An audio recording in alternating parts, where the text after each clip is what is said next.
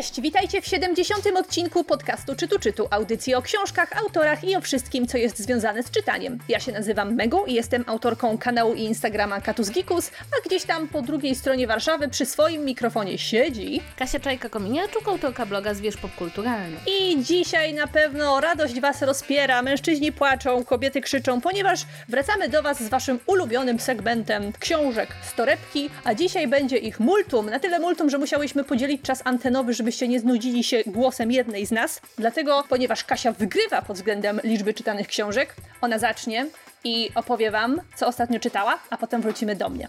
Tak, jakoś tak się zdarzyło w ostatnich dniach, że przeczytałam bardzo dużo książek i w sumie nie mogę wam opowiedzieć o wszystkich, bo inaczej segment torebki prawdopodobnie zająłby godzinę, jakby nie, nie doszłybyśmy do tematu głównego. Chciałabym wam na początku powiedzieć o książce Kto odejdzie już nie wróci. Jest to książka wydana przez wydawnictwo Czarne i teraz uwaga, to jest bardzo ciekawe, ponieważ ja wam mówię o tej książce, a ta książka jeszcze nie wyszła. Jestem taka fajna, że czytałam książkę zanim wyszła, a to głównie dlatego, że moja rekomendacja tej książki znajdzie się na okładce, więc zbliżamy się coraz bardziej do tego, żeby wydawnictwo czarne sponsorowało nasze życie. Wow, Ej, ale zapłacili ci chociaż za to.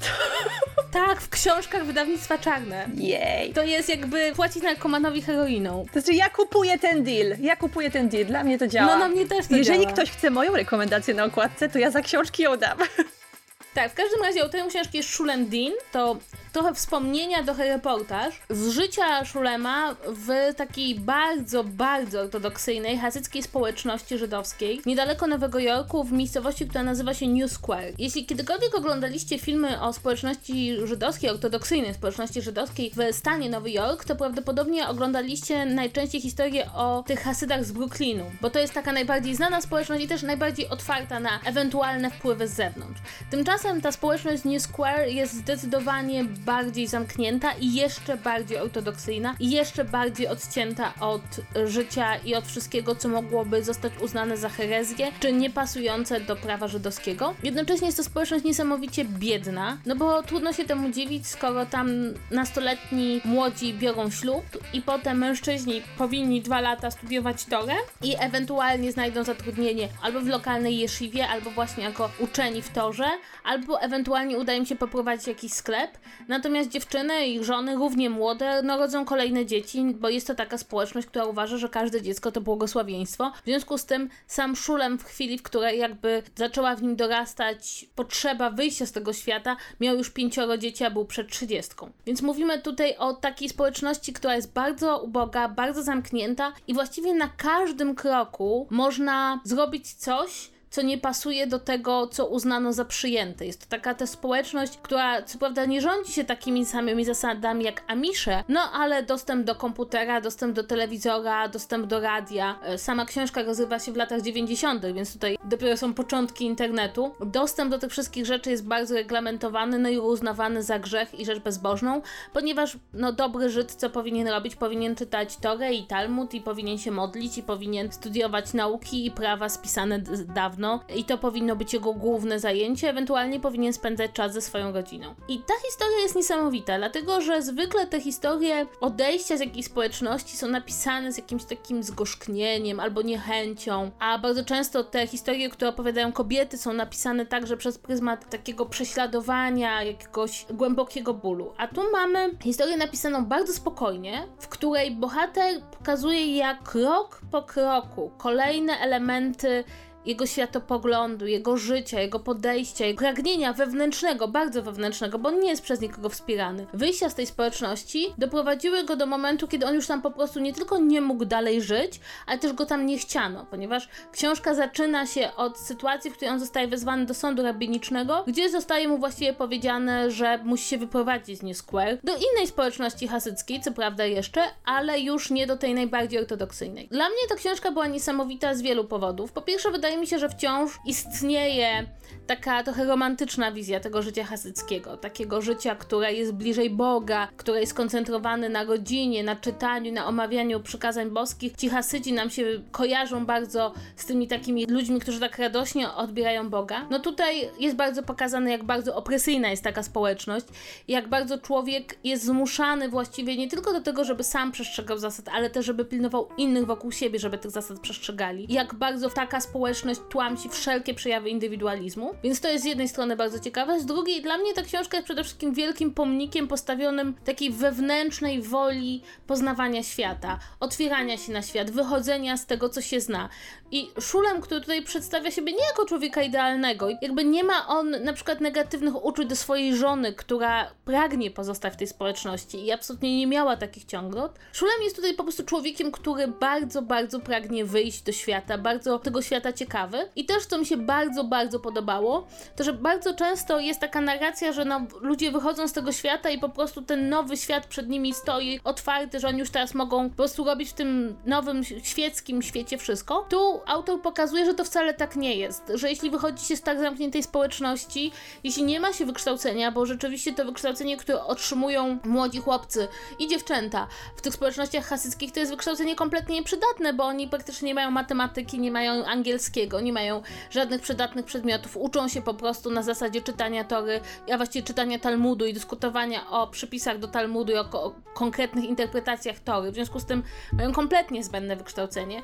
I teraz oni próbują wyjść z tego świata, ale tam jest po prostu na każdym kroku jakaś przeszkoda i emocjonalna, i po prostu zwykły brak wykształcenia, brak kompetencji, także kwestia wyglądu, zrzucenie siebie z tych wszystkich ubrań, które się nosiło przez bardzo wiele lat. No i też taka świadomość, że kto odszedł, ten nie wróci, co jest jakby cytatem i jest w tytule książki. To znaczy, że jeśli się zdecyduje człowiek porzucić takie życie, no to bardzo często oznacza to, że więcej nie zobaczy swoich dzieci, że więcej nie zobaczy swoich bliskich, że wyrwie się z takiej społeczności, która daje mu poczucie bezpieczeństwa, bo każdy ma po prostu milion kuzynów, braci, sióstr i wszyscy są w tej samej sytuacji. I muszę powiedzieć, że to jest przejmująca książka, bardzo pięknie napisana, bez, bez nienawiści, ale także bez ukrywania tego, co naprawdę jest niedobre w tej społeczności. Bardzo, bardzo ją polecam. Na mnie zrobiła olbrzymie wrażenie, mimo że jestem taką czytelniczką, która jakby doskonale zdaje sobie sprawę, jak wygląda życie w tych społecznościach hasyckich, jakby nie ma za bardzo złudzeń co do tego, że one są takie piękne.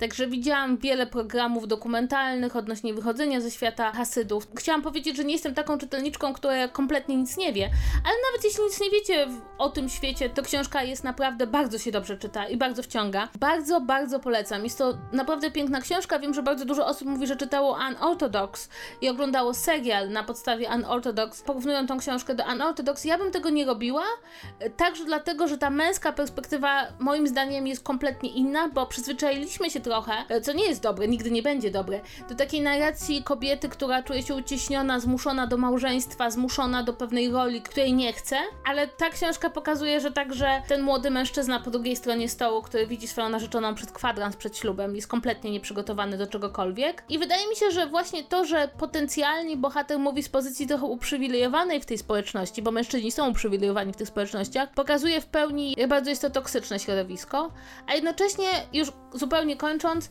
autor jest w stanie na przykład napisać absolutnie wzruszający taki portret swojego ojca, który w ogóle był bardzo ciekawy, bo on był, jakby jego droga jest na odwrót, on był Żydem, który żył w takim dosyć sekularyzowanej formie tej wiary, a potem przeszedł do hasydyzmu i stał się człowiekiem, który uczył ludzi świeckich Żydów bardziej o właśnie o zasadach hasydyzmu i był kochany przez... A to jest możliwe?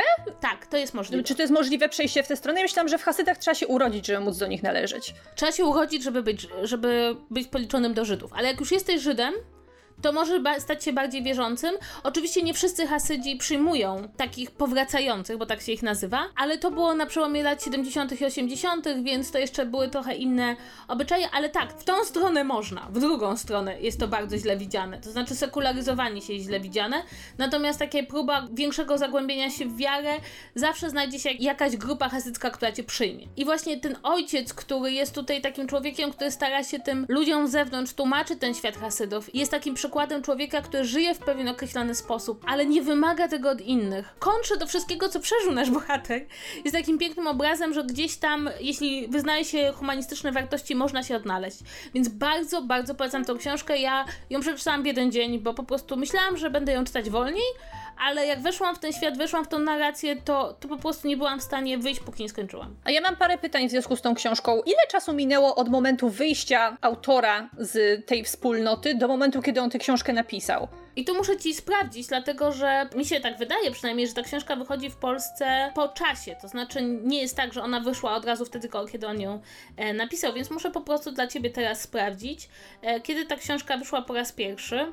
I to jest skomplikowane, bo muszę wejść na Lubimy Czytać. To ty sobie szukaj, bo ja pytam dlatego, że parę lat temu słuchałam takiego kilkuodcinkowego podcastu, w którym właśnie autorzy przeprowadzali wywiad z mężczyzną, który opuścił jedną z tych wspólnot, e, czy tam społeczności hasyckich w okolicach Nowego Jorku i zastanawiam się, czy jest szansa, że to może być ten sam człowiek, a jeżeli tak, to jak często zdarzają się takie odejścia z tych wspólnot, zwłaszcza jeżeli one zostaną później medialnie nagłośnione właśnie w formie podcastu albo w formie książki. Mam wrażenie, że jest to taki troszeczkę mocniejszy temat w ostatnich latach, bo mieliśmy to Unorthodox, mieliśmy ten cały dokument na Netflixie, tego kiedyś bardzo chwaliłaś o tych wspólnotach hasyckich, teraz mamy kolejną książkę, były jakieś podcasty, więc zastanawia mnie częstotliwość takiego zjawiska, że ktoś rzeczywiście skutecznie z tej wspólnoty odchodzi, a potem mówi o tym głośno.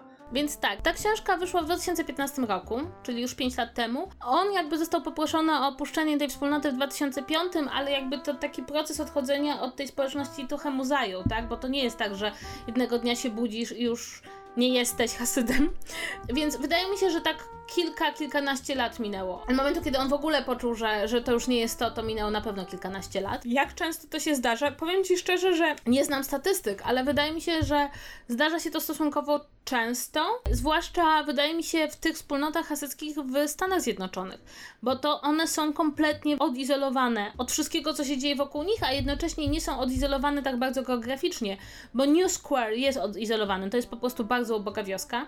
Natomiast ci Hasydzi z Brooklynu, no to jak wyjdą poza ten swój taki naj, najbardziej za, zamknięty krąg tych ulic, na których rządzą, że się tak wyrażę, no to wchodzą w Nowy Jork, tak, który ma to wszystko na ulicach. Wydaje mi się, że odejścia z, ze społeczności hasyckiej są dokładnie takie same jak odejścia z każdej sekty, z każdej zamkniętej społeczności, z każdej społeczności, nie wiem, Amiszów, że to jest kilka, kilkanaście procent. Może to się zwiększa, no tutaj na przykład ewidentnie w historii Shulemadina kluczowe okazało się po prostu podłączenie się do komputera podłączenie się do internetu i zobaczenie ogromu tego wszystkiego, czego nie znał. Więc wydaje mi się, że to może być tego coraz więcej, tak? Bo jest coraz więcej możliwości takiego wyłamywania się z tych zasad. Myślę, że dzisiaj, w latach 2000, gdzie są telefony komórkowe, możesz mieć telefon komórkowy gdzieś schowany i, i mieć dostęp do tego świata z zewnątrz, jest jeszcze więcej możliwości, bo tutaj na przykład Szulem opowiada, że jakby bardzo rzadko udawało mu się dowiedzieć czegoś o świecie z zewnątrz,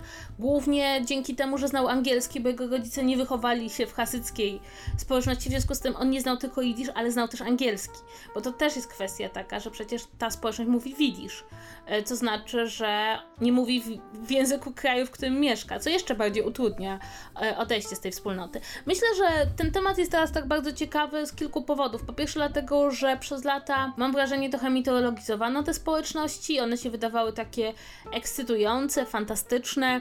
Były takie filmy, w których właśnie bohater czy bohaterka trafiali przez przypadek do społeczności Hasydów i obserwowali ją trochę z zewnątrz jakby się w niej trochę zakochiwali, jakieś takie romanse, nie romanse, szmanse. I to było takie trochę mitologizowane, a im jakby więcej czasu poświęcamy badając różne zamknięte grupy religijne, bo przecież nie chodzi tylko o Hasydów, ale te mechanizmy można przełożyć na każdą grupę religijną, tym bardziej widzimy ich opresyjność, no i im bardziej czasy się zmieniają, tak?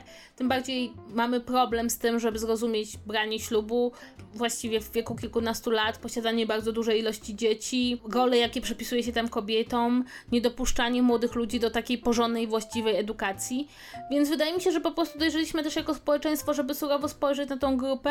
Też, żeby to było jasne, surowe patrzenie na to, jak Hasyci zamykają się na świat, nie jest antysemickie, bo to nie chodzi o niechęć do Żydów czy niechęć do Hasydów, tylko chodzi o każdą rodzaj wspólnoty, który w jakiś sposób ogranicza wolność człowieka, że się tak wyrażę z urodzenia, bo jeśli ktoś chce zostać Hasydem, to ja nie mam z tym problemu, no jakby sam się decyduje.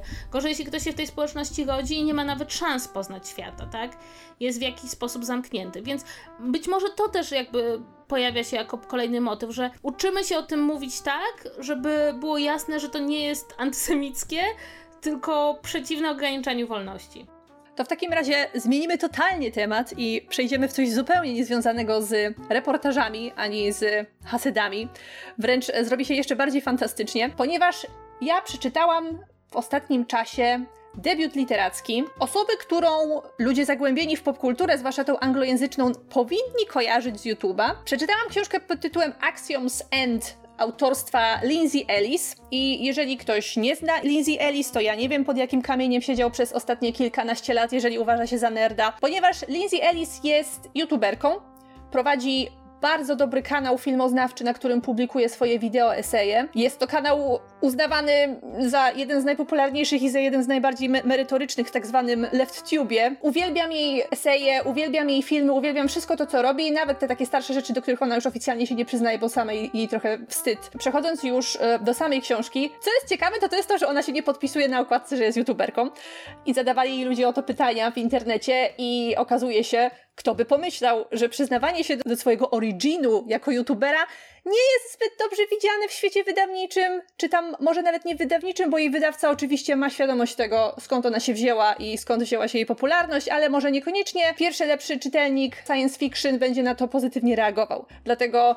nie ma tutaj informacji o tym, że Lindsay jest youtuberką, jest informacja o tym, że jest wideoeseistką, ponieważ to brzmi dumnie. Ja oglądałam jej film, na którym tłumaczyła, jak doszło do wydania w ogóle tej książki. Okazuje się, że to nie jest jej najnowszy manuskrypt, ani to też nie jest jej powiedzmy taki oficjalny debiut. Chociaż to jest oficjalny debiut w prawdziwym wydawnictwie, ponieważ ona wcześniej z jedną z koleżanek pisała jakąś parodię zmierzchu bodajże, łączącą jakieś elementy monster erotika z wampiryzmem. Nie chcę teraz się wgłębiać w szczegóły, bo nie czytałam tego ani nie wiem o co naprawdę chodzi i to było wydane jakimś self-pubem na Amazonie, także można było sobie ściągnąć e-booka. A to tymczasem jest pierwsza, prawdziwa jej poważna książka, która tam się całkiem dużym echem odbiła w świecie wydawniczym takim związanym z fantazy, bo to wydało takie duże, fantastyczne wydawnictwo i książka trafiła na listę bestsellerów New York Timesa. I powiem wam, że całkiem zasłużenie, bo ta historia jak na temat, który porusza, wydaje się mi być całkiem oryginalna i zaraz powiem konkretnie o co w tej fabule chodzi. Książka pod tytułem Axioms End jest historią pierwszego kontaktu z obcymi. To znaczy mamy tutaj rok 2007, więc przenosimy się do przeszłości w czasie administracji Busha. Okazuje się, że na Ziemi doszło do pewnego dziwnego zdarzenia, to znaczy uderzył w nią meteoryt, Wiemy tylko, że było jakieś dziwne wydarzenie w związku z tym, że coś tam z nieba spadło, ale nikt nie jest w stanie się dowiedzieć o co chodziło, bo oczywiście rząd wszystko od razu ukrywa i nie chcą zdradzać żadnych szczegółów. I przy okazji pojawiają się teorie spiskowe. I tam głównym tym teoretykiem spiskowym jest taki nasz odpowiednik Snowdena, czy tam Assange'a, czyli Nils Ortega, który okazuje się jest ojcem głównej bohaterki tej książki, która się nazywa Cora. Ona nie ma z nim żadnego kontaktu, ponieważ gość nie jest zbyt mile widziany w kraju, rząd go nie lubi, ponieważ rozsiewa różne plotki, a jednocześnie, no jakimś tam cudem okazuje się, że może w tych rozsiewanych przez niego plotkach jest ziarenko prawdy, więc ojciec głównej bohaterki ukrywa się za granicą i tylko pisze różne swoje historyjki na stronach internetowych, które oczywiście śledzą miliony ludzi, zwłaszcza tych, którzy uwielbiają teorie spiskowe i uwielbiają wierzyć w to, że rząd nas oszukuje i na każdym kroku nas okłamuje. Początek tej książki właśnie opisuje życie Kory, która mierzy się z taką niechcianą popularnością w związku z tym, że jej ojciec jest sławną osobą. To znaczy, ciężko jej jest wyjść do pracy, bo czasami zostaje rozpoznana jako właśnie ta córka tego człowieka i od razu wymaga się od niej, żeby się opowiadała za tym, co robi jej ojciec, żeby uznawała, że on ma słuszność, albo żeby jeszcze zdradziła jakieś kolejne szczegóły jego wiernym fanom, których ona oczywiście nie ma, ponieważ jej matka z ojcem się rozstali w bardzo nieprzyjemnych okolicznościach, a ona i dwójka jej młodszego rodzeństwa nie mają z ojcem żadnego kontaktu, a przez to, że tak naprawdę ich porzucił w dosyć egoistyczny sposób, co ona interpretuje jako budowanie własnego wizerunku i skupianie się tylko na sobie, to nie ma właściwie żadnej ochoty, żeby z ojcem utrzymywać kontakt. I wszystko się zmienia, a życie Kory zostaje wywrócone do góry nogami w momencie, kiedy dochodzi do drugiego upadku meteorytu na Ziemię. Pierwszy event, który związany jest z tym meteorytem, nazywa się Ampresant Event. I kiedy dochodzi do tego drugiego eventu, do drugiego upadku meteorytu, któremu towarzyszy oczywiście mnóstwo różnych dziwnych fizycznych zjawisk, typu wybuchy, wysiadanie prądu, Kora znajduje w swoim domu obcego. można się śmiać. Jest to oczywiście zbyt miłe spotkanie, obcy ucieka, pozbawiając przytomności wszystkich domowników przy okazji i od tego momentu akcja zaczyna nabierać tempa, ponieważ do akcji wkraczają rządowi agenci, zostaje uruchomiony pościg zarówno za tą rodziną, jak i za tym obcym. Rodzina Kory zostaje zwinięta przez CIA, a jej się udaje uciec, skontaktować się z, ze swoją ciotką, która w jakiś sposób była związana z jedną z agencji rządowych, która niedawno ją zwolniła. Jedna rzecz doprowadza do drugiego. Okazuje się nagle, że tak naprawdę obcy od bardzo długiego czasu byli na Ziemi i właśnie ta ciotka była związana z ich badaniem. I głównym tematem całej powieści jest bardzo konkretny aspekt tego pierwszego kontaktu człowieka z obcymi, to znaczy jest to poznawanie ich języka i nawiązywanie różnych metod komunikacji, ponieważ po tym, jak wychodzi na jaw, że obcy od wielu lat już na tej Ziemi przebywają, ponieważ kiedyś tam dawno temu na Ziemi się rozbili. Okazuje się, że ludzie próbowali z nimi nawiązać kontakt, ale przez barierę językową spełzało to na niczym i nie udało się im na razie tego kontaktu nawiązać przez bodajże 40 lat. Więc jest to motyw, który znamy z filmu Arrival, który w całości traktował o tym, jak ludzie uczą się powoli języka kosmitów. Tutaj mamy podobny motyw, tylko że ten problem braku komunikacji zostaje szybko rozwiązany, ponieważ w pewnym momencie główna bohaterka wpada na tego kosmitę, który przybył w czasie eventu Ampersand na Ziemię i on wszczepiając jej jakiś implant tłumaczeniowy w głowę, zaczyna się z nią porozumiewać i zaczyna w ten sposób uczyć się też razem z nią języka angielskiego, ponieważ widać, że z czasem jego słownictwo jest coraz bogatsze, jego sposób wypowiadania się przestaje być taki prymitywny, w którym on używa tylko pojedynczych słów, ale zaczynają to być pełne zdania, więc zaczyna się nawiązywać więź pomiędzy tą główną bohaterką, a tym obcym, który wynajmuje sobie ją tak jakby na tłumaczkę, ponieważ oni zawierają umowę, że ona będzie jego przedstawicielką w świecie ludzi i ma mu pomóc odnaleźć innych kosmitów, którzy tam kiedyś na Ziemię przybyli i zostali schwytani przez ludzi i od tego czasu przebywają w zamknięciu, ponieważ jego zadaniem jest odnaleźć swoich braci i ich w jakiś sposób uratować i zabrać z Ziemi. Więc to jest główny zarys fabuły. To, co ja teraz opisałam, to jest mniej więcej pierwsza jedna trzecia książki. Potem tam się rzeczywiście zaczyna dziać dużo więcej rzeczy i tempo tej powieści jest naprawdę bardzo równe, to znaczy, że tam co chwilę dochodzi do jakiegoś dużego, ważnego wydarzenia, mamy takie wypłaszczenie akcji, żeby złapać trochę oddechu i żeby się uspokoić, a potem znowu mamy jakieś mocne uderzenie, także to napięcie przyjmuje taki kształt sinusoidy i naprawdę się bardzo fajnie to czyta i to strasznie wciąga. Przy okazji, abstrahując od takich bardzo sci-fiowych elementów, jak właśnie to tworzenie języka pomiędzy kosmitami, jak odkrywanie historii tych kosmitów i historii ich podbojów międzygalaktycznych. Lindsay Ellis wciąż jest sobą, to znaczy jest osobą, która uwielbia takie rzeczy jak analizowanie Transformersów, jak analizowanie monster erotyki, jak wyśmiewanie takich różnych tropów bardzo popularnych w popkulturze. Dlatego przez cały czas pomiędzy główną bohaterką a tym głównym kosmitą da się wyczuć takie dziwne napięcie, jakby ona bardzo chciała napisać tutaj romans, ale co chwilę się wycofywała. A potem znowu rzuca jakiś, jakąś sugestię, że chciałaby romansu i znowu się wycofuje. I ona bardzo fajnie się bawi z czytelnikami, bo jednak wie, że jej widzowie ją znają i oczekują od niej konkretnych motywów, dlatego tutaj jest takie bardzo delikatne napięcie pomiędzy tą parą głównych bohaterów. Strasznie fajnie się to przez to czyta. A jednocześnie mamy tutaj też zabawę takim motywem, co jest bardzo często związane z tym tematem pierwszego kontaktu z obcymi.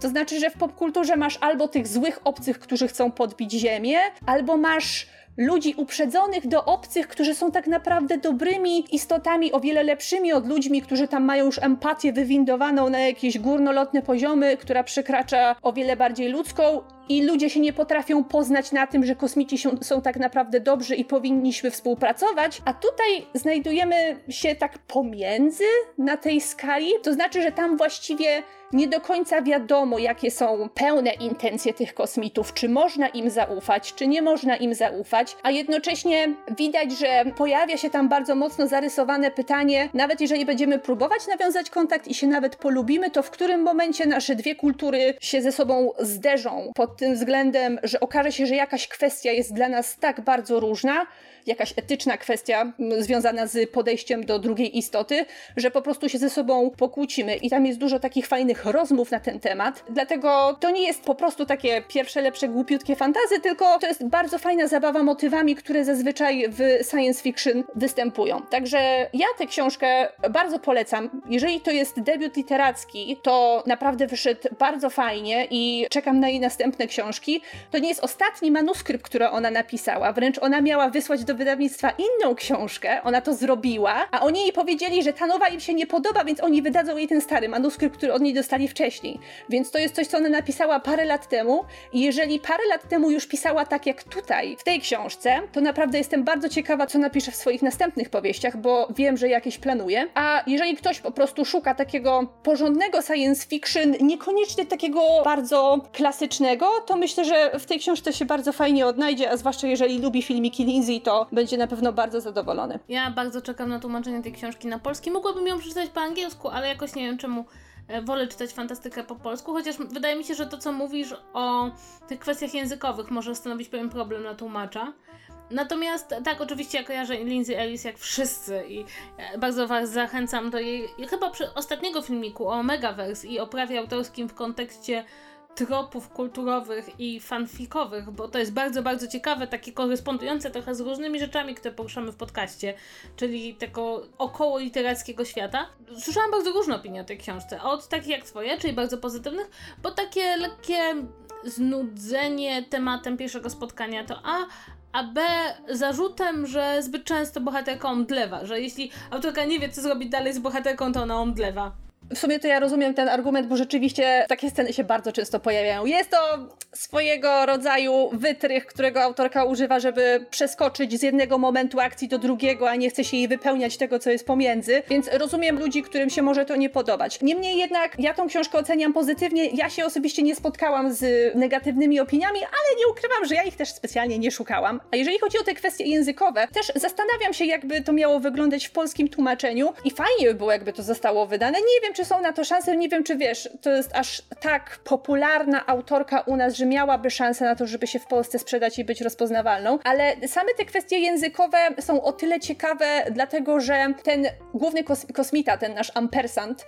on ucząc się języka angielskiego, specjalnie sobie wszystko komplikuje. To znaczy, on używa bardzo górnolotnych słów, bardzo nie tyle rozbudowanych metafor, ale po prostu takich synonimów, których normalny człowiek by nie użył, i one wyglądają sztucznie na papierze.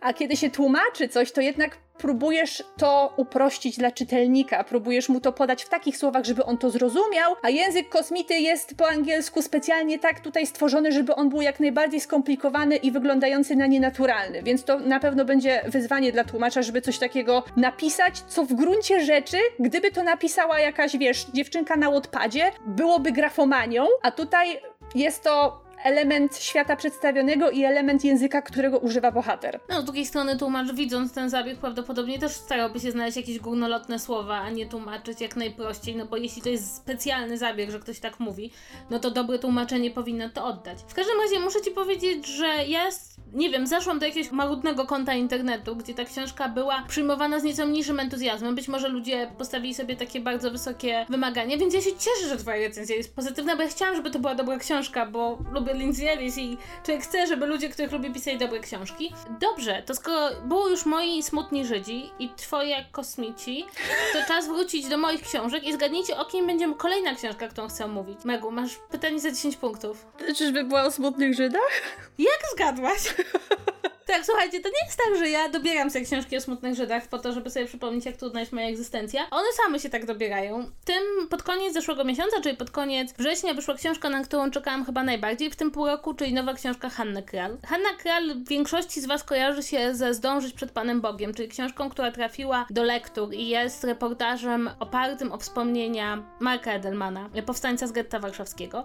Ale prawda jest taka, że Hanna Kral przez lata pisała kolejne reportaże, w których destylowała swój styl. I kiedy ja mówię o destylowaniu, to jest dokładnie to słowo, którego chcę użyć, ponieważ jej książki z tomu na tom są coraz cieńsze jest w nich coraz mniej słów, są coraz bardziej precyzyjne i tak jak Zdążyć przed Panem Bogiem jest już i tak cieniutką książeczką, tak Synapsy Magii H są książką, którą się czyta godzinę. Są bardzo, bardzo wydestylowane, jeśli chodzi o słowa, jeśli chodzi o próbę przekazania wszystkiego, co bohaterowie myślą, co przeżyli, co poczuli. I mamy tutaj dwie kobiety, Marię Hrabowską i Marię Twardokęs-Hrabowską. Jedna z nich jest matką męża, czyli Maria Hrabowska jest matką męża Marii Twardokęs-Hrabowskiej. Książce odnosi się do niej autorka jako matka męża. I to są dwie kobiety, które, dwie Polki, jedna z nich jest Żydówką, które mieszkają w Stanach Zjednoczonych. Jedna z nich ma syna, który ma autyzm i to taki ciężki autyzm. Była opozycjonistką więzioną w stanie wojennym, wyjechała do Stanów Zjednoczonych. Druga przeżyła nie tylko wojnę, nie tylko getto, ale także atak na World Trade Center. Autorka opisuje je obie w sposób bardzo wyrywkowy, bardzo minimalistyczny, pokazując tak niesamowite, splątane, skomplikowane życiowe drogi, to co się pamięta, kiedy się o tym pamięta, pewne próby porozumienia, które są czasem równie trudne z matką męża, co ze własnym autystycznym synem, który praktycznie nie mówi. I muszę wam powiedzieć, że to jest absolutnie genialne. Znaczy, bardzo trudno jest to streścić. Treść jest jednym, ale to jak to jest napisane, z jakim zrozumieniem, z jaką próbą wydestylowania pewnych emocji, uczuć, tego jak się nakładają wspomnienia, tego jak pewne przypadki, bo to jest zresztą taki motyw powtarzający się w poezie Hanny Kral, o tym jak przypadek, pewne wydarzenia, których człowiek jakby nie umiałby w żaden sposób zaplanować, są tym, co tak naprawdę wyznacza tor naszego życia. I ten przypadek, który się ujawnia w czasie wojny bardzo wyraźnie, i ten przypadek, który potem idzie za człowiekiem, i to jak losy bardzo różnych ludzi o bardzo różnych przeżyciach potrafią się spleść naraz w jednym miejscu. Hanna Kell potrafi zrobić coś takiego, że w jednej chwili opowiada nam o kobiecie, która schodzi po schodach w World Trade Center, a po chwili potrafi rzucić nas zupełnie gdzie indziej, opowiedzieć nam historię kolekcjonera sztuki pochodzącego z Polski i te dwie historie się ze sobą zbiegną. W sposób, który wydaje się kompletnie niemożliwy, ale jest prawdziwy, ponieważ e, cała ta książka powstała na podstawie wieloletniej e, korespondencji, setkach listów wymienianych pomiędzy bohaterką reportażu a Hanną Kral i z tych setek tysięcy listów powstała króciutka książka. To jest do przeczytania autentycznie w godzinę. To jest tak dobra literatura. Wydaje mi się, że w ogóle, jeśli spotkaliście się z Hanną Krell wyłącznie z jej prozą, wyłącznie w szkole, wyłącznie przez Dążyć przed Panem Bogiem, z której jest świetnym reportażem, zresztą też bardzo fajnie zestawiającym dawne życie Delmana ze współczesnym, bo Delman był potem znanym chirurgiem, to prawdopodobnie macie takie poczucie, takie spotkanie z lekturą szkolną. I bardzo, bardzo Wam polecam wrócić do innej Hanny Kral, która zawsze będzie krążyć wokół tematów żydowskich, no trudno, żeby tego nie robiła. Jest to też po części jej historia, ale ja uważam, że śledzenie tego, jak osoba, no jedna z najwybitniejszych polskich reportażystek, doprecyzowuje swój styl. Tak nie pisze nikt inny, autentycznie. N nikt inny nie pisze tak reportaży. To jest fascynująca droga. Niedawno wyszła taka wielka cegła z jej wszystkimi reportażami, ale możecie, nie wiem, przeczytać Białą Marię, możecie przeczytać Wyjątkowo Długą Linię, Taniec na Cudzym Weselu, e, tam już nie ma żadnej rzeki. I ważne jest, żeby to czytać po kolei, bo właśnie nie tylko chodzi o, różne czasem przejmujące historie, ale przede wszystkim o to destylowanie się stylu. I dla mnie to jest po prostu niesamowite, bo Hanna Krell ma chyba 87 lat i napisała książkę, która jest tak nowoczesna, tak niesamowicie inna, tak niesamowicie jej, że ja jestem pod niesamowitym wrażeniem. Jest to przepiękna książka. Bardzo, bardzo Wam polecam z całego serca Synapsy Maricha. Zajmie Wam to chwilę, przeczytanie tej książki, ale wszystkie myśli, które się w Was obudzą, takie refleksje nad życiem, nad komunikacją, nad losem człowieka zostaną z wami na bardzo długo. To jest jedna z tych książek, którą czyta się godzina, myśli się o niej przez miesiąc. Naprawdę z całego serca wam polecam e, przeczytać tą książkę, a jeśli tylko właśnie kojarzycie Hannę Kral z lektury szkolnej, e, to polecam wam także poczytać inne jej reportaże, bo zobaczycie jak wygląda droga autora, który nigdy nie przestaje pracować nad swoim warsztatem i nad swoim stylem. Ostatnia książka to będzie jedno zdanie i będzie zawierało wszystko. Czuję taki olbrzymi przywilej, że mogę jeszcze za swojego życia i że jeszcze za życie Hanny Krell śledzić jej tą drogę autorską, bo to jest naprawdę porażające, jak, jak można patrzeć na kogoś, kto z każdą swoją książką coraz bardziej destyluje opowieść. Więc bardzo, bardzo z całego serca Wam polecam. I to jest zdecydowanie książka o czymś więcej niż Smutni Żydzi, to od razu zaznaczę.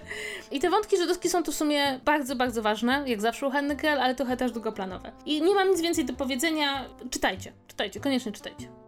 No to w takim razie wyszedł nam strasznie długi segment Strasznie. o książkach z torebki. Było ich dużo i był, chciałam powiedzieć, pełen przekrój. Nie, były dwa tematy. Byli Smutni Życi i było science fiction. Ale myślę, że to też było bardzo ciekawe. A wracając trochę do tego science fiction, y, książka Lindsay Ellis jest dla nas trochę inspiracją dla dzisiejszego tematu odcinka, ponieważ chciałyśmy sobie porozmawiać o debiutach. Jak inaczej podchodzimy do debiutów niż do kolejnej powieści autorów, których już znamy, jakie mamy inne oczekiwania w związku z tym, jakie są różne zjawiska występujące wokół wydawania debiutów, nie tylko w Polsce, ale i za granicą. Więc to jest nasz dzisiejszy temat odcinka i o tym sobie właśnie teraz porozmawiamy.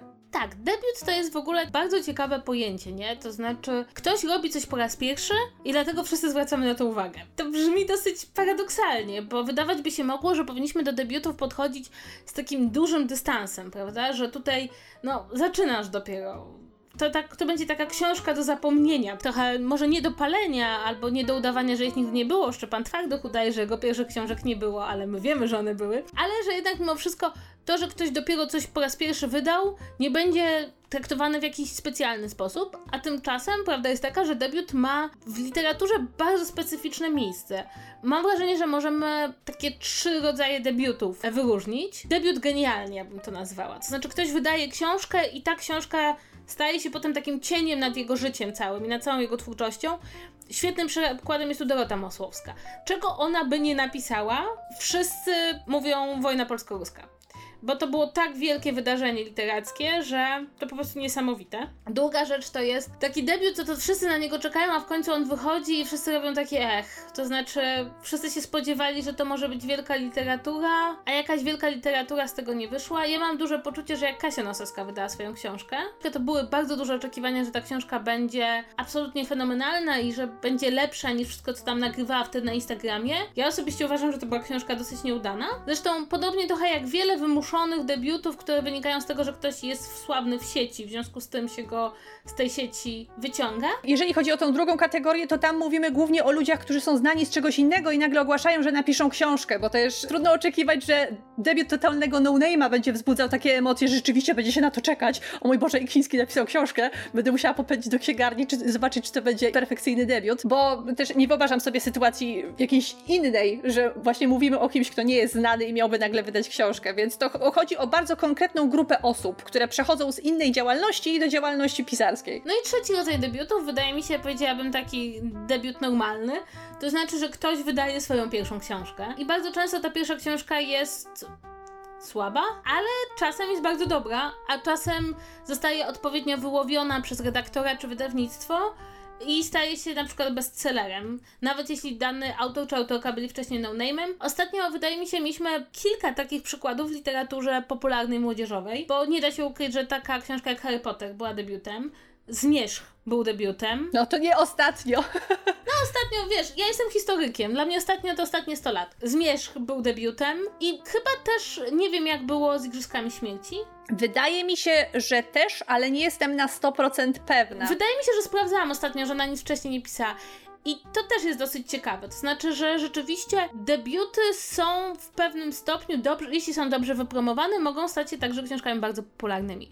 Megu, ja mam teraz do Ciebie pytanie. Czy Ty zwracasz uwagę, czy książka jest debiutancka, czy nie? Zwracam uwagę i obawiam się, że jestem pod tym względem trochę uprzedzona. To znaczy, jeżeli wiem, że autor jest debiutantem, zwłaszcza jeżeli mamy do czynienia tutaj z takimi gatunkami, w których częściej się obracam, to znaczy powieści młodzieżowe, young adult, jakieś fantazy i tak dalej, to nie mam co do takiego pisarza dużych oczekiwań nie spodziewam się po nim nic, znaczy nawet nie, nie tyle nic dobrego, co po prostu wolę się nie rozczarować i też wydaje mi się, że jestem troszeczkę bardziej krytyczna, ale takie zjawisko u mnie zachodzi bardzo często wśród pisarzy, którzy wpisują się w jakiś akurat modny nurt w literaturze, to znaczy, że mamy jakieś epickie młodzieżowe fantazy, albo mamy jakiś kolejny romans pomiędzy dziewczyną a chłopakiem, który ma magiczne zdolności, ponieważ ja mam wdrukowane takie zachowanie, które każe mi z lekkim przekąsem i z lekką niechęcią patrzeć na ludzi, którzy odcinają kupony od popularności innych książek, które zapoczątkowały dany nurt w literaturze.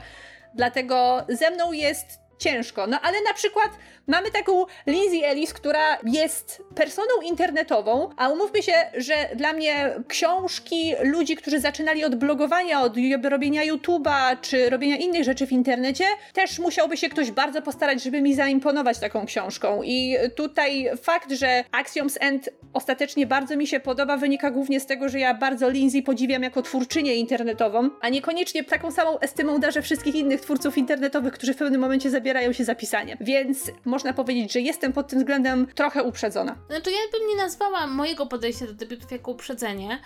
Raczej ja jestem bardzo mocno z takiej szkoły, że debiut to jest książka, która jeśli jest dobra, to fajnie, ale jeśli jest zła, to nie jest aż tak źle, bo jednak mimo wszystko pisanie to jest umiejętność, którą się szkoli i szkoli się tą umiejętność pisząc.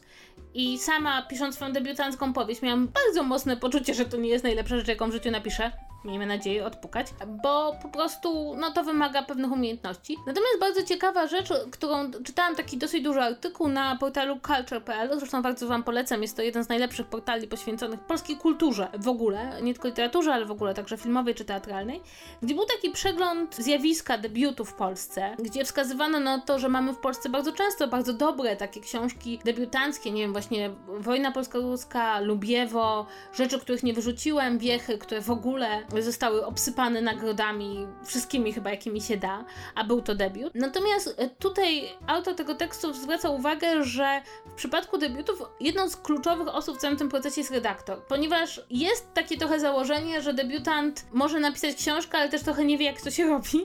W związku z tym dopiero dobry redaktor, który rzeczywiście się nad tą książką pochyli i wyprowadzi ją z jakiegoś rękopisu, manuskryptu wersji pierwszej do wersji drukowanej, jest kluczowy. I jako przykład osoby, która jakby skorzystała na takiej pomocy redaktorskiej, podano Olgę Tokarczuk i jej Podróż Ludzi Księgi. Podobno właśnie dzięki dobrej interwencji redaktorskiej i dobrej pracy nad tą książką ona była dużo, dużo lepsza niż w tej swojej pierwszej wersji i dzięki temu autorka dostała szansę rozwijać się i także jakby znaleźć ten swój własny styl, który zaprowadził ją do literackiej Nagrody Nobla. To jest mój problem bardzo często z debiutami wydawanymi obecnie, zwłaszcza tymi popularnymi i zwłaszcza bardzo, bardzo często tymi, które są tymi spodziewanymi debiutami ludzi, którzy nigdy nie pisali, że bardzo jest mała ingerencja autorska, redaktorska. To znaczy rzeczywiście, że tutaj przyjmuje się na napisanie książkę ok, a nie robisz to po raz pierwszy, oto jest specjalista, który powie ci, jak to się robi. To wcale nie jest tak trudno napisać książkę, ale to jest bardzo trudno napisać tę książkę dobrze. Ja też czytałam taki artykuł już parę lat temu to było, że generalnie na polskim rynku książkowym w tym momencie mamy kryzys redaktorski. To znaczy, że takich redaktorów z prawdziwego zdarzenia z wieloletnim doświadczeniem w tym momencie można policzyć na palcach dwóch rąk, ponieważ nie jest to zawód, do którego wchodzą nowi ludzie i w tym momencie wydawnictwa tak bardzo obcinają koszty, że przez redaktora bardzo często mają na myśli osobę, która po prostu robi językową korektę, a to są zupełnie dwie różne rzeczy. Tak, ja się absolutnie zgadzam. Powiem wam szczerze, że w moich doświadczeniach przy wydawaniu książek znalezienie redaktora, który nie tylko będzie dobry, ale też będzie wiedział, o czym jest książka, którą redaguje, jest bardzo, bardzo trudne i rzeczywiście jest to zawód, który upada, a jednocześnie w kontekście debiutów bardzo wydaje mi się ciekawy taka konstatacja dotycząca tego, że bardzo często debiuty książkowe tak naprawdę nie były debiutami i że zanim dochodziło się do wydania książki, była taka długa droga przez opowiadania, przez teksty literackie czy poetyckie w czasopismach. I bardzo często o takiej drodze mówi się na przykład w kontekście wydawania właśnie debiutów science fiction czy fantasy, że kiedy szło się przez te opowiadania, czy to w antologiach, czy to w Nowej Fantastyce, czy w Feniksie, a teraz dużo łatwiej jakby przeskoczyć od razu do pisania książek. I ja się trochę z tym zgadzam. To znaczy, wydaje mi się, że dzisiaj debiutuje się na tym poziomie, na którym kiedyś dostawało się akcept pierwszego opowiadania w wydawnictwie, w magazynie. Że po prostu przez to, że znikły te czasopisma i trochę znikło, nie wszystkie oczywiście, Nowa Fantastyka nadal się ukazuje i ukazują się także antologie tekstów, natomiast jest ich dużo, dużo mniej, zwłaszcza takich typowych czasopism literackich, jak na przykład Lampa czy Iskra Boża, które już nie istnieją, że to jest też taki problem, jeśli chodzi o poziom tych książek debiutanckich, że trochę na innym poziomie są autorzy, którzy debiutują i trochę mniej się wprawili przed książką. To też jest bardzo ciekawe. Dzisiaj jest też trochę takie myślenie, że chcę być pisarzem, napiszę książkę, wydam książkę, zadebiutuję. Cała ta druga przez opowiadania, przez jakieś takie teksty publicystyczne, czy jakieś krótsze formy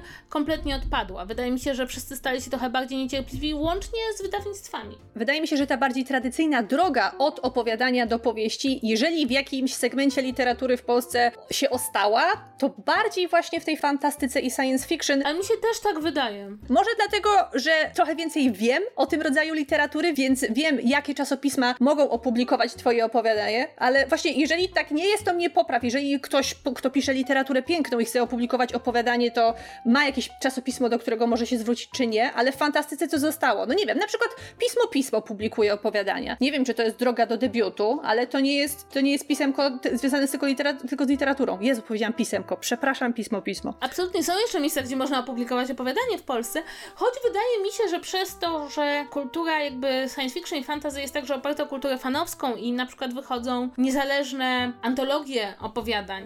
Nie wiem, ostatnio mieliśmy Tęczową Fantastykę, wspaniałą antologię wydaną przez wydawnictwo Alpaka, składającą się z opowiadań, które łączyły motywy fantastyczne z motywami queerowymi. To są takie publikacje, które bardzo mocno wychodzą na rynku fantastycznym i science fiction, e, dlatego, że jest grupa ludzi, fanów, którzy, którzy bardzo jakby napędzają tą grupę też pisarzy, ludzi, którzy chcą debiutować, ludzi, którzy chcą tworzyć. Więc ja mam takie wrażenie, że oczywiście są absolutnie miejsca, gdzie można opublikować opowiadanie, nie jest to tylko czasopismo pismo, ale nie zmienia to faktu, że chyba rzeczywiście w tym momencie ta tradycja od opowiadania po, po szerszą prozę idzie mocniej w świecie fantastycznym, chociaż wiecie, no to trochę jest tak, że Dukaj pisząc lud zaczął podobno od opowiadania, tak? To lud miał być opowiadaniem, któremu się trochę rozrosło, więc nigdy nie wiadomo, gdzie, gdzie zaprowadzi fantastę jego opowiadanie. Natomiast wracając do samych debiutów, to muszę powiedzieć, że ja zawsze mam taki mieszane uczucia, jeśli chodzi o debiutantów, e, bo mam też tak czasem wrażenie, że wydawnictwa strasznie ich rzucają e, na żer, ponieważ drukują książki, które są jeszcze moim zdaniem niegotowe, po to, żeby po prostu mieć czym zapełnić e, swoją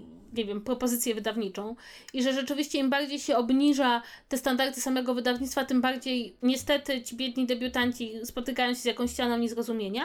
No i jest jeszcze jedno zjawisko, którego nie było, a wydaje mi się, że w przypadku debiutów jest ono szczególnie ważne, zjawisko self-publishingu, bo dzisiaj bardzo wielu młodych autorów zamiast iść do wydawnictwa i zamiast szukać tam redaktora, decyduje się na self-publishing. Ja powiem szczerze, że ja o ile uważam, że self-publishing w przypadku takich książek celebryckich i takich blogerskich, influencerskich ma sens, o tyle w przypadku powieści, zwłaszcza powieści debiutanckich, może okazać się no taką ślepą, ślepą uliczką. To znaczy można napisać dobrą powieść i nikt jej nie przeczyta, a można napisać bardzo słabą powieść i nikt ci nie powie, że nie powinien się jej wydawać. Ja bym użyła wręcz bardziej dosadnego słowa, że dla mnie self-publishing jest niestety rodzajem literackiej patologii, to znaczy wiadomo, że jego o wiele gorszą odmianą jest vanity publishing, czyli to jest ten format, w którym ty płacisz wydawnictwu za to, żeby wydało twoją książkę. Tak, i to się kończy bardzo różnie, na pewno nie kończy się wielką sławą i wielkimi pieniędzmi, więc to jest coś, na co bardzo trzeba uważać. Ja po prostu nie za bardzo rozumiem podejście takich ludzi, którzy bardzo pragną wydać swoją książkę, nie mając żadnego zaplecza fanowskiego, żeby mieli pewność, że ktoś tą książkę kupi poza mamą i babcią, a jednak w to idą. Dla mnie jest to w tym momencie tylko i wyłącznie jakieś hołdowanie własnej, nawet nie tyle próżności, co po prostu takie parcie na realizację własnego marzenia, ale niekoniecznie jest to związane z planami na przyszłość i realnymi szansami na to, żeby zostać prawdziwym pisarzem i rzeczywiście móc iść tą profesjonalną drogą, bo po prostu nie wydaje mi się, żeby było aż tyle potencjalnych czytelników, których taka osoba wydająca w self-pubie mogła w ten sposób zdobyć. Znaczy ja mam takie wrażenie, że zarówno self-pub, jak i w ogóle dążenie do wydania debiutanckiej powieści e, wiąże się w Polsce z wielkim takim mitem tego debiutu literackiego. To znaczy tego momentu, w którym wydajesz tę swoją pierwszą książkę, ona przychodzi do ciebie w pudełku, ty ją wyjmujesz i oto twoje życie nareszcie ma sens. Widzisz swoją twarz czy swoje nazwisko na okładce i to jest wszystko, co chciałeś osiągnąć, czy chciałaś osiągnąć. I bardzo często widzę ludzi, którzy przygotowują się do debiutu literackiego, czy wręcz takich, którzy przechodzą przez ten moment debiutu i czytam to i mam takie poczucie, że strasznie podbijamy bębenek publikowaniu tej swojej pierwszej książki, jako tej książki idealnej, najważniejszej i jako takiego momentu granicznego w życiu. Oczywiście mi jest łatwo mówić, ponieważ no, nie da się ukryć, że ja pierwszą książkę wydałam w liceum, w związku z tym jakby już przeżyłam moment oglądania swojego nazwiska na okładce bardzo, bardzo wcześnie w życiu. Co nie zmienia faktu, że wydaje mi się, że ta legenda wydania pierwszej książki, która jest taka wspaniała i taka jest po prostu najlepszą rzeczą, jaką mogliśmy zafundować światu, jest bardzo szkodliwa, bo wszyscy próbują jakby dojść do tego pierwszego momentu wydania tej pierwszej książki, zobaczenia tego swojego nazwiska na okładce. Tymczasem naprawdę ciekawe rzeczy, moim zdaniem, zaczynają się dziać później. To znaczy, zaczynają się dziać wtedy, kiedy naprawdę uczymy się, jak się pisze książki. Ja mogę z własnego doświadczenia powiedzieć, że to, że się napisało książkę, zwłaszcza pierwszą książkę, to nie znaczy, że się jeszcze umieją to robić bardzo dobrze. Bardzo często jest tak, że z wielkim napięciem czeka się na pierwszą książkę danego autora czy autorki, a kolejne przyjmuje się na zasadzie, no to kiedy następna, czy o, znowu coś wydał. E, tymczasem właśnie w tych kolejnych bardzo często są najlepsze, najciekawsze i, i dużo bardziej rozwinięte rzeczy, no bo właśnie pisarz się rozwija. Więc ja na przykład mam takie poczucie, że trochę za dużo mówimy o pierwszej książce, a trochę za mało o tych kolejnych. Ale wciąż istnieje ten taki niesamowity mit, że ta pierwsza książka to jest najlepsze wydarzenie twojego życia i po prostu nic się temu nie równa. Po prostu to jest spełnienie wszystkich, absolutnie wszystkich marzeń wydanie książki. Ja może jestem cyniczna, może jestem specyficzna, ale wydaje mi się, że to jest bardziej szkodliwe niż pomocne. Ten odcinek będzie miał podtytuł Kasia niszczy wasze marzenia. Przy okazji ja się zastanawiam, czy istnieją jakieś statystyki, które wskazywałyby jasno, ile osób po swoim debiucie kończy kończy tak naprawdę karierę i nigdy nie dochodzi do tej drugiej czy trzeciej książki i nie ma tak naprawdę szansy się rozwinąć ani popracować z dobrym redaktorem, bo na przykład padli ofiarą wydawnictwa, które stwierdziło, że jako tego debiutanta rzuci go na żer bez żadnej porządnej redakcji i po prostu ani nie przyszła za tym sława, ani nie przyszła za tym popularność, ani rzesze czytelników i po prostu ktoś się zniechęcił, a na przykład miał potencjał. No to jest bardzo ciekawe. Myślę, że takich statystyk nikt nie prowadzi zmagnowanych debiutów i potencjalnie dobrych pisarzy. Ja z kolei jestem zawsze zafascynowana tym, co się dzieje z pisarzem, którego debiut poszedł bardzo, bardzo dobrze i trzeba przebić samego siebie. Wydaje mi się, że Dorota Masłowska od lat próbuje przebić samą siebie. Robi rzeczy fantastyczne, robi rzeczy wspaniałe, ale jest w jakiś sposób zamknięta w klatce, do której ją wsadziliśmy po wojnie polsko-ruskiej. I zasadniczo rzecz biorąc, Masłowska nie tyle walczy z całym światem, co sama ze sobą w wieku lat 18, co jest w ogóle jakimś totalnym koszmarem. Musi cały czas przeskoczyć siebie samego z liceum. Bardzo mi się wydaje, że ciekawym przykładem jest autorka 365 dni, bo to też była debiutantka. E, Blanka Lipińska, która umie napisać jedną książkę. W związku z tym pisze ją już chyba czwarty czy piąty raz i oferuje ją w kółko i w kółko. Czy tak samo nie robi autorka Zmierzchu, która ciągle sprzedaje tę samą historię, tylko pisaną z innego punktu widzenia? Dokładnie to samo chciałam powiedzieć właśnie, że to też jest bardzo ciekawe, że czasem te takie super wypromowane debiuty, które przynoszą olbrzymie pieniądze, zamykają tak strasznie autorów i autorki w tej jednej historii, którą znają. To znaczy, powiedzmy sobie szczerze, no Blanka Lipińska jest taką autorką, że ja, nawet ta jej pierwsza książka, to powiedziane, że ona jest napisana, to jest bardzo, bardzo łaskawy sposób mówienia o tej książce. Natomiast Stefani Majes, no jakby rzeczywiście, on napisał jedną książkę, która nie dzieje się w świecie zmierzchu. Napisała Intruza, który jest zmierzchem tylko w innych dekoracjach. Ale to też jest bardzo ciekawe, bo jest jeszcze taka, no może nie teoria, tylko taka, takie spojrzenie na literaturę, że tak naprawdę bardzo wiele autorów ciągle pisze tą samą książkę. Tylko w różny sposób. No Harlan Coben pisze ciągle tą samą książkę, nawet nie w różny sposób. No ale że każdy autor ma swoje tematy, swoje ulubione motywy, swoich bohaterów, których możemy tam rozpoznać na przestrzeni całej twórczości. Nie wiem, Stephen King jest bardzo dobrym przykładem takiego autora, który ciągle wraca do pewnych motywów. No tylko, że problem polega na tym, że w przypadku, kiedy ta pierwsza książka okazuje się tak niesamowitym sukcesem, to bardzo często nie tylko wraca się do tych samych motywów, ale wraca się dosłownie do tej samej książki. Trudno powiedzieć, czy te następne książki w jakikolwiek sposób rozwijają autora czy autorkę. Ja mogę podać przykład bardzo ciekawy ze świata takich książek e, Guilty Pleasure, które tu zresztą omawiałam, e, czyli pamiętasz może Zniewolony Książę? Tak, oczywiście. To był taki jao jest na trzy tomy i było absolutnie niesamowite, jak olbrzymi postęp zrobiła autorka między pierwszym a drugim tomem. Znaczy postęp był taki, że ile pierwszy tom czytałam na zasadzie o mój Boże, co ja czytam, będę się śmiała z tego wczytu czytu, to drugi tom czytałam na zasadzie chcę wiedzieć, co jest dalej. I byłam absolutnie niesamowicie zaskoczona tym, jak wielki postęp był autorki między jednym a drugim tomem. I ponownie no, mam wrażenie, że o tym też się za mało mówi. O tym, za mało się, bardzo dużo się mówi o udanych czy nieudanych debiutach, a dużo mniej się mówi o tym, ej, słuchajcie, ta osoba się rozwinęła, ta osoba się nie rozwinęła. I za mało nagradzamy rozwijających się autorów. Mam, przynajmniej ja mam takie poczucie. Znaczy, jeżeli chodzi o takie fizyczne nagrody literackie, to może rzeczywiście. Jeżeli chodzi o nasz podcast, to ja myślę, że my nigdy nie szczędzimy pochwał komuś, kogo rzeczywiście zauważymy, że bardzo się rozwinął. Ja ze swojej strony bardzo chwaliłam e, Bardugo, autorkę trylogii Grisha, która trylogię Grisha napisała właśnie jako swój debiut i on był taki, okej, okay, ale mogło być lepiej, a potem przyszła szóstka Wron i przyszła kontynuacja szóstki Wron i to już po prostu było takie, mua, to już było piękne i po prostu aż trudno było wierzyć, jak inaczej ona podeszła do tej, tej historii i jak bardzo odeszła od tych bardzo takich romantyczno-młodzieżowych motywów, które nie zawsze są wysokich lotów. Zdarzają się tacy pisarze i bardzo miło się wtedy obserwuje ich kariery, tylko trzeba dać im szansę do tego, żeby mogli się dalej rozwijać. Myślę, że ci, którzy wchodzą w YA i to takie young adult, które później odnosi wielki sukces na całym świecie, wygrywają wygrywają los na loterii i oni mają szansę, żeby później iść dalej i pracować z dobrymi redaktorami i tworzyć kolejne części swoich trylogii, czy tam kolejne nowe trylogie, bo w nich mnóstwo ludzi wierzy, a zwłaszcza wydawnictwa lubią w nich inwestować, bo wiadomo, że to się zawsze sprzeda. I za tym też idą pieniądze, prawda? Ale zauważyłaś też, że jest taka strategia marketingowa wręcz, żeby promować książkę samym faktem tego, że jest debiutem No Name'a. Jest taki slogan, że to jest niesamowity debiut, wciągający debiut, poruszający debiut, tak jakby samo słowo debiut miało już tutaj być pozytywną recenzją, a dla mnie osobiście jest wręcz przeciwnie, mnie takie coś odstrasza, ale widzę, że wydawnictwa to wykorzystują i zastanawiam się, czy ludzie rzeczywiście na to lecą, na taką strategię, że widzą, że coś jest debiutem, to o, kupię, może to będzie dobre. Mam wrażenie, że we wszystkich nas jest troszeczkę, tak gdzieś głęboko schowane, marzenie o sytuacji, w której bierzesz książkę z półki w księgarni, ona jest nieznanego autora i zaczynasz ją czytać i po prostu wiesz, że trafiłeś trafiłaś na nową, doskonałą książkę nowego autora, zanim zrobili to wszyscy. I mam wrażenie, że w ogóle rynek literacki jest takim ciągłym poszukiwaniem tej nowej wielkiej twarzy, nowego wielkiego nazwiska i każdy debiut jest trochę takim, takim wyciągnięciem ręki i powiedzeniem: Słuchajcie, to już może być ta osoba.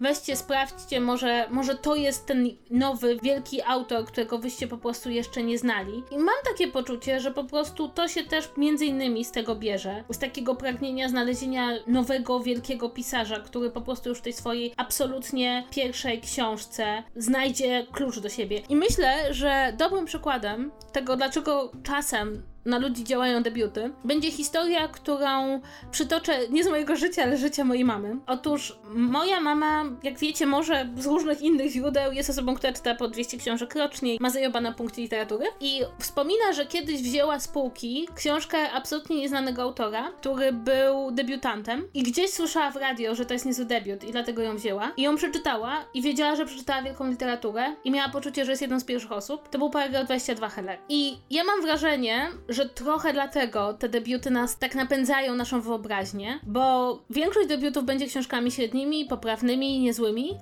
ale raz na jakiś czas bierzemy debiut i to jest coś takiego jak paragraf 22 Hellera, coś co jest po prostu szczytem wybitnej literatury. I dlatego mi się wydaje, że też wydawnictwa nas na to łapią, bo to jest trochę jak gra w rosyjską ruletkę literacką.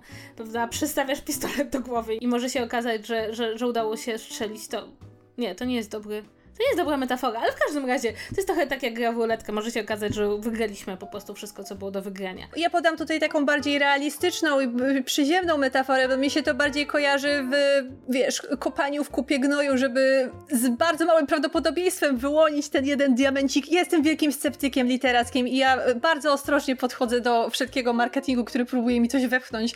Dlatego wierzę w to, że zdarzają się wybitne debiuty, ale że one są tak rzadkie, że są na granicy błędu statystycznego. To ja się z tą zgadzam. Co nie zmienia faktu, że byłoby fajnie, gdyby wydawnictwa zaczęły właśnie w taki dobry i mocny sposób reklamować drugą czy trzecią książkę. Jeden z moich ukochanych autorów, Michael Chabon, moim zdaniem jego najlepsza książka, Fantastyczne przygody Kawaliera i Kleja, to jest jego trzecia książka i moim zdaniem jest po prostu najwybitniejszą, jaką napisał, mimo że napisał potem kilka innych. Więc byłoby fajnie, gdyby wydawnictwa z równym entuzjazmem ciągnęły nas do debiutów, co ciągnęły nas do drugiej, trzeciej książki. Trochę może na zasadzie, ej, wam się debiut, a ten autor nauczył się od tamtego czasu pisać jeszcze lepiej, więc może tego by nie zabrakło. Jesteśmy trochę ciekawi, jak wy podchodzicie do debiutów, bo może to jest trochę tak, że my już się po prostu wy wyrobiłyśmy w jakieś takie zgorzkniałe... Ja, ja ze względu na to, że przeżyłam własny debiut i wiem, jak to mniej więcej zmienia życie, w ogóle. Megu może dlatego, że przeczytała za dużo Young Adult i to zmienia życie bardzo. Na plus. E, ale jesteśmy ciekawi, jak wy podchodzicie na plus, tak. Jak wy podchodzicie do debiutów? Czy to dla was też są takie książki, którym dajecie jakiś kredyt zaufania? Na przykład autor się podszkoli? Czy jak Mego macie takie, mm, nie spodziewam się po tobie zbyt wiele? Czy może szukacie diamentów kaszance? Dobrze, że użyłaś kaszanki, a nie kupy. To jest cytat z Musierowicz. Dmuchawca. O Jezu, proszę mi zabrać moją legitymację fanki Musierowicz z jednocyfrowym numerem. Zabieram cię legitymację fanki Musierowicz. Zabieram. Przepraszam. Musierowicz sama mnie skreśliła ze swojej księgi gości już dawno temu także nie mam złudzeń.